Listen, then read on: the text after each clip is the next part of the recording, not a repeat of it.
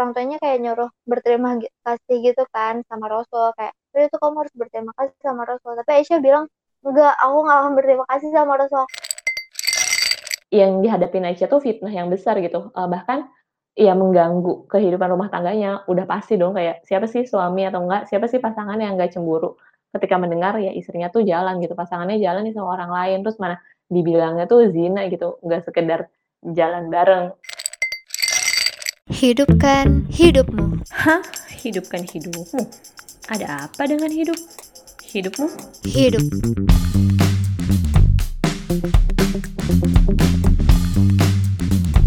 Bismillahirrahmanirrahim. Assalamualaikum warahmatullahi wabarakatuh. Kembali lagi di podcast kita Hidupkan Hidupmu. Be inspiring, be yourself. Nah, karena di pekan lalu kita udah ngebahas terkait kehidupan Aisyah juga rumah tangganya yang mana kita kasih di judul di judulnya tuh Shiringin Will. Udah pada denger belum guys? Semoga udah ya, biar nggak skip nih info-infonya atau perjalanan kisahnya tuh biar nggak skip. Nah, kita sekarang nih mau lanjut lagi nih. Karena kemarin di akhir podcast tuh Haura sempat bilang yang terkait diamond, diamond terus api, apalah itu sebenarnya sih. Nah, itu tuh kan sebenarnya kayak ujian-ujian yang dihadapin oleh Aisyah ya nggak sih kayak gitu nggak sih Ra sebenarnya tuh? Iya benar banget jadi kayak ibarat setiap orang kan pasti ada ujiannya kan kak ya kan. Dan setiap orang tuh punya titik lemah. Jadi setiap uh, kita pasti diuji di di aduh apaan sih? Jadi kita pasti diuji di titik lemah kita kayak gitu. Nah ya jadi sebenarnya tuh yang dihadapin Aisyah tuh ujiannya sebesar apa? Kok sampai sampai Haura tuh bilangnya menggambarkannya tuh ya dapetnya tuh diamond gitu. Diamond itu tuh berupa buahnya gitu. Padahal kan yang namanya ujian ya buahnya tuh beda-beda gitu. Terus kemarin sempat juga dibahas yang terkait uh, apa sih bukan peribahasa apa ya itu ya petuah gitulah. Sem, uh, ketika apinya semakin besar ketika hujannya semakin besar maka buahnya pun juga akan besar gitu. Ketika apinya makin panas maka nggak sekedar lempengan besi yang terjadi tapi bisa menjadi diamond kayak gitu. Nah sebenarnya tuh apa sih yang dihadapin Aisyah waktu zaman dulu tuh? Jadi jadi gini pada suatu hari ya. Ya pada suatu hari Aisyah itu emang um, melakukan perjalanan bersama Rasul dan sahabat Rasul lainnya. Nah terus pulang nih ceritanya kan pulang ke Madinah tapi uh, kodarullahnya gara-gara pas mau perjalanan pulang nih Aisyah nih nyari kalungnya. Nah akhirnya ketinggalan tuh Aisyah dari rombongan. Jadi uh, apa sih jadi kan dia dijemput pakai unta terus kayak di atas saya kayak ada rumah-rumahan gitu loh kayak di film-film. Nah terus deh kayak gitu karena dia ringan jadi kayak para penjaganya tuh ngiranya uh, dia udah naik gitu kan karena nggak ada bedanya dia naik sama nggak naik ya beratnya tetap segitu gitu. Nah akhirnya ketinggalan kan terus akhirnya ya dia tiduran kan di, di tempat itu kayak gitu. Ditemukanlah. Jadi belakang ini kan rombongan induk ya jadi belakangnya itu ada rombongan selanjutnya lagi. Ditemukan sama salah seorang sahabat Rasul namanya Sofwan kayak gitu. Ya Sofwan refleks dong kaget kayak wah istri Rasul gitu. Berada di tempat yang tidak seharusnya gitu kan. Kayak yang ini masa terlantar gitu kan di sini gitu. Ya dia refleks innalillahi kayak gitu kan. Akhirnya ya Sofwan eh, bertanggung jawab doang buat nganterin pulang kayak gitu kan. Nggak mungkin juga ditinggalin di situ nah terus akhirnya ya udah Aisyah naik untanya Sofwan terus Sofwan uh, nuntun untanya gitu kan. Terus kayak panjang perjalanan pun mereka nggak ngomong satu sama lain gitu. Nah sesampainya di Madinah sampainya di rumah Aisyah sakit jatuh sakit. Nah terus dia kayak gitu jatuh sakit sampai lama deh sampai sebulan kayak gitu. Dan di situ dia udah melihat tanda-tanda kayak orang-orang sering dia tuh kayak aneh gitu ber apa ya uh, berperilaku yang nggak biasanya kayak gitu. Nggak memperlakukan dia seperti biasanya. Bahkan Rasul yang biasanya kalau istri Rasul sakit tuh Rasul selalu nemenin kan. Tapi ini tuh enggak gitu kan. Bahkan untuk nemenin Aisyah pun enggak. Tuh kayak jadi sedih dong. Kayak ini ada apa sih sebenarnya? Akhirnya dia minta izin pulang ke rumah ibunya kan. Akhirnya diizin sama Rasul. Nanya tuh kayak ini ada apa sih ibu kayak gitu kan. Ternyata ibunya ngasih tahu iya jadi selama ini tersebar fitnah. Fitnah yang uh, apa ya yang kabar buruk lah tentang Aisyah. Kalau ternyata Aisyah selama ini uh, apa ya dikira oleh orang-orang ya melakukan perbuatan zina dengan Sofan yang ketinggalan itu loh ketinggalan rombongan itu kayak gitu. Jadi ternyata selama ini tersebarlah berita yang gak baik tentang Aisyah. Wah di situ Aisyah sedih banget sih. Kayak yang ya bayangin aja gitu kayak padahal dia nggak melakukan sesuatu yang salah tapi orang-orang ngira dia salah. Sampai akhirnya orang-orang memperlakukan dia sebagai orang yang salah. Padahal dia nggak salah. Dia nggak sih itu berat banget dia sih kak? Oh iya berat banget. Kayak ibaratnya tuh ya tuduhan tanpa bukti gitu loh ya. Iya. Iya benar banget. Kayak ya ya oke okay lah kalau misalkan emang kita ngelakuin kesalahan. Misal ya misal ada orang melakukan kesalahan terus udah kayak gitu ya ya tapi nggak seharusnya langsung di apa ya diperlakukan buruk juga ya nggak sih kak? Kayak kita kan bisa ngasih tahu pelan-pelan baik-baik atau gimana lah kayak gitu kan. Nah tapi ini tuh jangankan dia berbuat ke sana kita berbuat ke sana aja enggak tapi dia udah udah diperlakukan gak baik duluan itu kan sedih banget ya. Kayak yang oh itu luar biasa sih. Dan di situ Aisyah langsung sedih kayak gitu. Dan itu ya udah dia nangisnya luar biasa juga ya manusia manusiawi sih kayak ketika kita dapat ujian terus kayak kita sedih ya itu wajar kayak gitu. Karena kan manusia punya hati ya. Nah tapi kalau misalkan tapi sebenarnya yang jadi pertanyaan itu bagaimana cara ngadepinnya? Kayak gitu. Nah kalau misalkan Aisyah Aisyah ini dia ngadepinnya ya dengan uh, ya stay strong kayak gitu. Bener-bener kayak yang tetap taat sama Rasul, tetap taat sama Allah kayak gitu.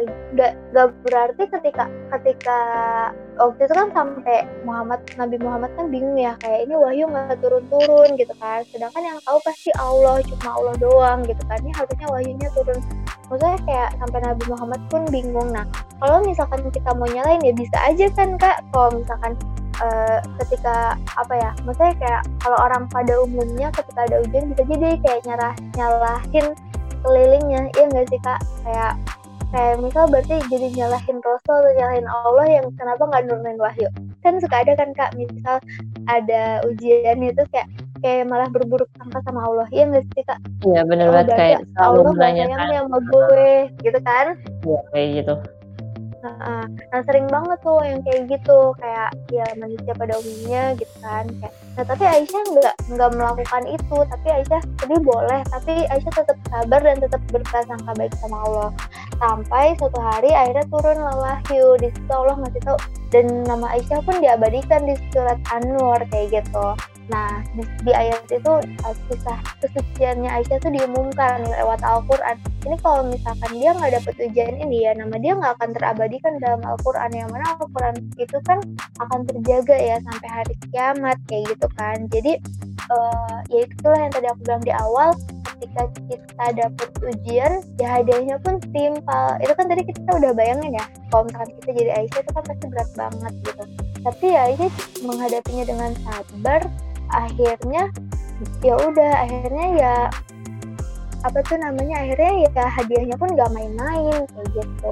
Gak ecek-ecek kayak gitu. Bener-bener kisahnya kesuciannya diumumkan dari langit ketujuh dan kesuciannya pun terabadikan sampai hari kiamat kayak gitu. Oh iya sih jadi ini ya uh, setimpal gitu kalau tadi yang kita pakai perempu, per, perumpamaan di depan tuh yang uh, diamond itu di, tercipta dari adanya api yang berkobar itu sangat panas gitu tuh. Gak sekedar api biasa yang maksudnya panasnya tuh nggak bukan yang biasa gitu tuh yang yang mungkin jadinya lempengan besi doang gitu tuh enggak karena kobarannya dan panasnya yang teramat sangat sehingga menciptakan diamond. Kayak ya wajar sih kalau menurut gue karena ya fitnah gitu jatuhnya di fitnah terus kan fitnah tuh ya sesuatu yang berat gitu. Terus uh, Aisyahnya pun menghadapinya dengan tadi ya sabar dan taat. Dia nggak pundung ke Rasul juga dan tetap beribadah juga ke Allah nggak yang menyalahkan terus abis itu jadi anggot-anggotan gitu. Mungkin ibadahnya kayak ya ya ya ya udahlah orang Allahnya juga gitu gitu. Dia tidak seperti itu. Nah sehingga iya nih gue juga baca sih di baru baca nih An-Nur ayat 11-nya. Ternyata ya emang ya Allahnya menjelaskannya sangat jelas gitu. Allah menurunkan firman-Nya yang bunyinya tuh sesungguhnya orang-orang yang membawa berita bohong itu adalah dari golongan kamu juga. Janganlah kamu kira bahwa berita bohong itu buruk bagi kamu, bahkan ia adalah baik bagi kamu. Lengkap sampai diturunin itu 10 ayat. Hmm, ya. ya kan uh, sampai di ayat ke-22-nya juga masih membahas terkait Aisyah. Jadi kayak ya tadi balasannya langsung diumumkan gitu sama Allah di langit ketujuh, mm-hmm. malaikat bisa dengar, terus yeah. ternyata disampaikan juga Nabi Muhammad gitu kan ke suaminya yang langsung lah tahu oh ternyata itu tuh berita bohong gitu. Terus dari ya, itu, ya, ya terus pas pas iya tadi aku ada yang kelewat gitu terus pas apa sih pas turun wahyu itu orang tuanya kayak nyuruh berterima kasih gitu kan sama Rasul kayak itu kamu harus berterima kasih sama Rasul tapi Aisyah bilang enggak aku nggak akan berterima kasih sama Rasul aku akan berterima kasih sama Allah kayak gitu cuma maksudnya di situ kayak yang ya emang benar kayak yang di situ kan emang Allah sendiri yang menyampaikan uh, ya meskipun sebenarnya lewat Jibril dan lewat Rasul cuma di situ kayak uh, apa ya interaksi antara Aisyah dan Allahnya itu kan kayak uh, lebih uh, langsung gitu ya nggak sih kak? Ya lebih dapat ya kayak ya Aisyahnya sebegitunya juga gitu loh. Dia nggak mau ambil pusing uh, memikirkan bagaimana manusia memandang dia. Cukup Allah saja yang uh, melihat keadaan dia dan dia tahu itu kayak Allah maha melihat gitu tuh ibarat kata mah. Jadi dia ya udah pede aja. Dan ketika Allah menurunkan ayat itu ya dia merasa cukup berterima kasihnya kepada Allah. Karena Allah yang udah langsung ngebantu Aisyah ini ya, ya. I sama itu enggak sih kak? Kayak oh, harus saling percaya enggak sih kak? Kayak dalam pasangan iya enggak sih kak? Berat. Ya iya sih kalau kata teori-teorinya mah gitu ra.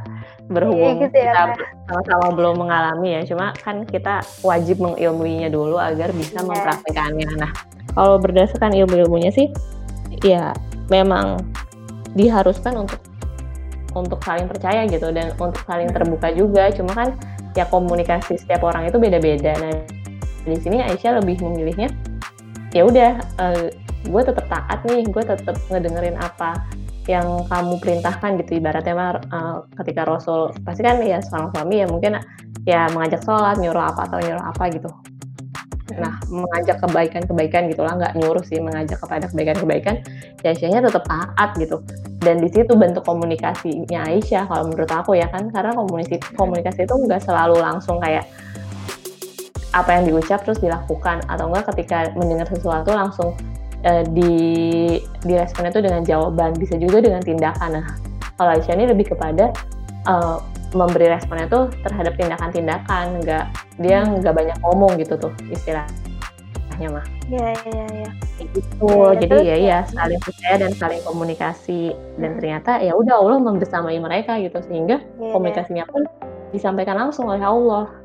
Iya sampai Allah ikut turun ya buat ya. menyelesaikan masalah itu ya ya. Terus kayak yang ya kayak yang ketika ada prasangka terus kayak itu ternyata belum tentu benar juga ya nggak sih kak iya makanya kan uh, wajib wajib hukumnya bukan sih kalau nggak salah sih wajib ya kalau salah boleh dikoreksi lah uh, yeah. seorang muslim itu mencari konfirmasi terhadap uh, berita yang ia dengar kayak gitu dia nggak nggak mm -hmm. boleh langsung tergesa-gesa atau terburu-buru mempercayai suatu berita yang yang ia dengar jadi perlu dikonfirmasi hmm. atau perlu ditabayuni ini sebenarnya benar atau enggak sih. Cuma kan kalau dari cerita yang uh, Aisyah itu tuh kayak nggak ada kan, nggak ada konfirmasinya sama sekali gitu tuh, nggak ada yang iya. menanyakan yeah. wahai Aisyah benarkah yeah. lalala kayak gitu, benarkah uh, kamu telah melakukan zina terhadap Sofwan atau kayak gimana tuh nggak ada orang-orang cuma taunya aja ya Aisyah tuh jalan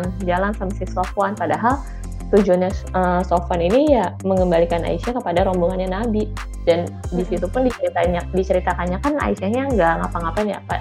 Sampai sampai sampai tuh ya nggak ada interaksi di antara mereka gitu saking kayak ya udah Aisyah mungkin anggapnya ya udah nih uh, Sofwan nih sahabatnya Nabi dia baik mau nganterin pulang. Ya udahlah gue juga nggak usah ngapa-ngapain gitu ibarat kan kalau perempuan pasti ada kan yang dibilang ya daya tarik atau enggak lain sebagainya. Nah Aisyah tuh nggak memanfaatkan apa yang bisa ia lakukan, dia juga tunduk gitu tuh.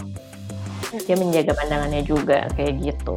Sehingga sebenarnya tidak terjadi apa-apa, cuma ya biasa ya orang-orang tuh kadang selalu melihat dengan kacamatanya sendiri dan memberikan anggapan sesuka hatinya kayak gitu. Ya, terus gelap mata. Ya bahas lagi yang kemarin. Oke, Oke. ya Nah, udah ah, gitu dari guys.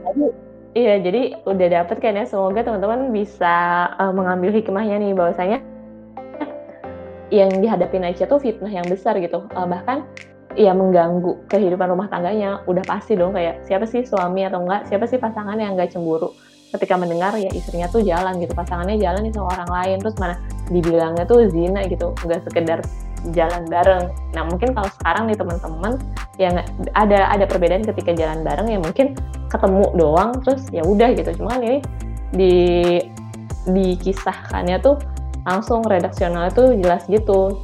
Dituduhnya tuh dituduh berzina kayak gitu dan itu besar banget sampai-sampai Rasul pun eh, enggan menemani Aisyah ketika sakit padahal biasanya tuh Aisyah biasanya tuh Rasul eh, menemani setiap istrinya yang sedang sakit. Nah, kayak gitu kan itu besar banget ya ujiannya, tapi Aisyahnya tetap sabar, tetap taat. Nah, kemudian datanglah, turunlah wahyu Allah yang menjelaskan bahwasanya Aisyah ya nggak berbuat seperti itu.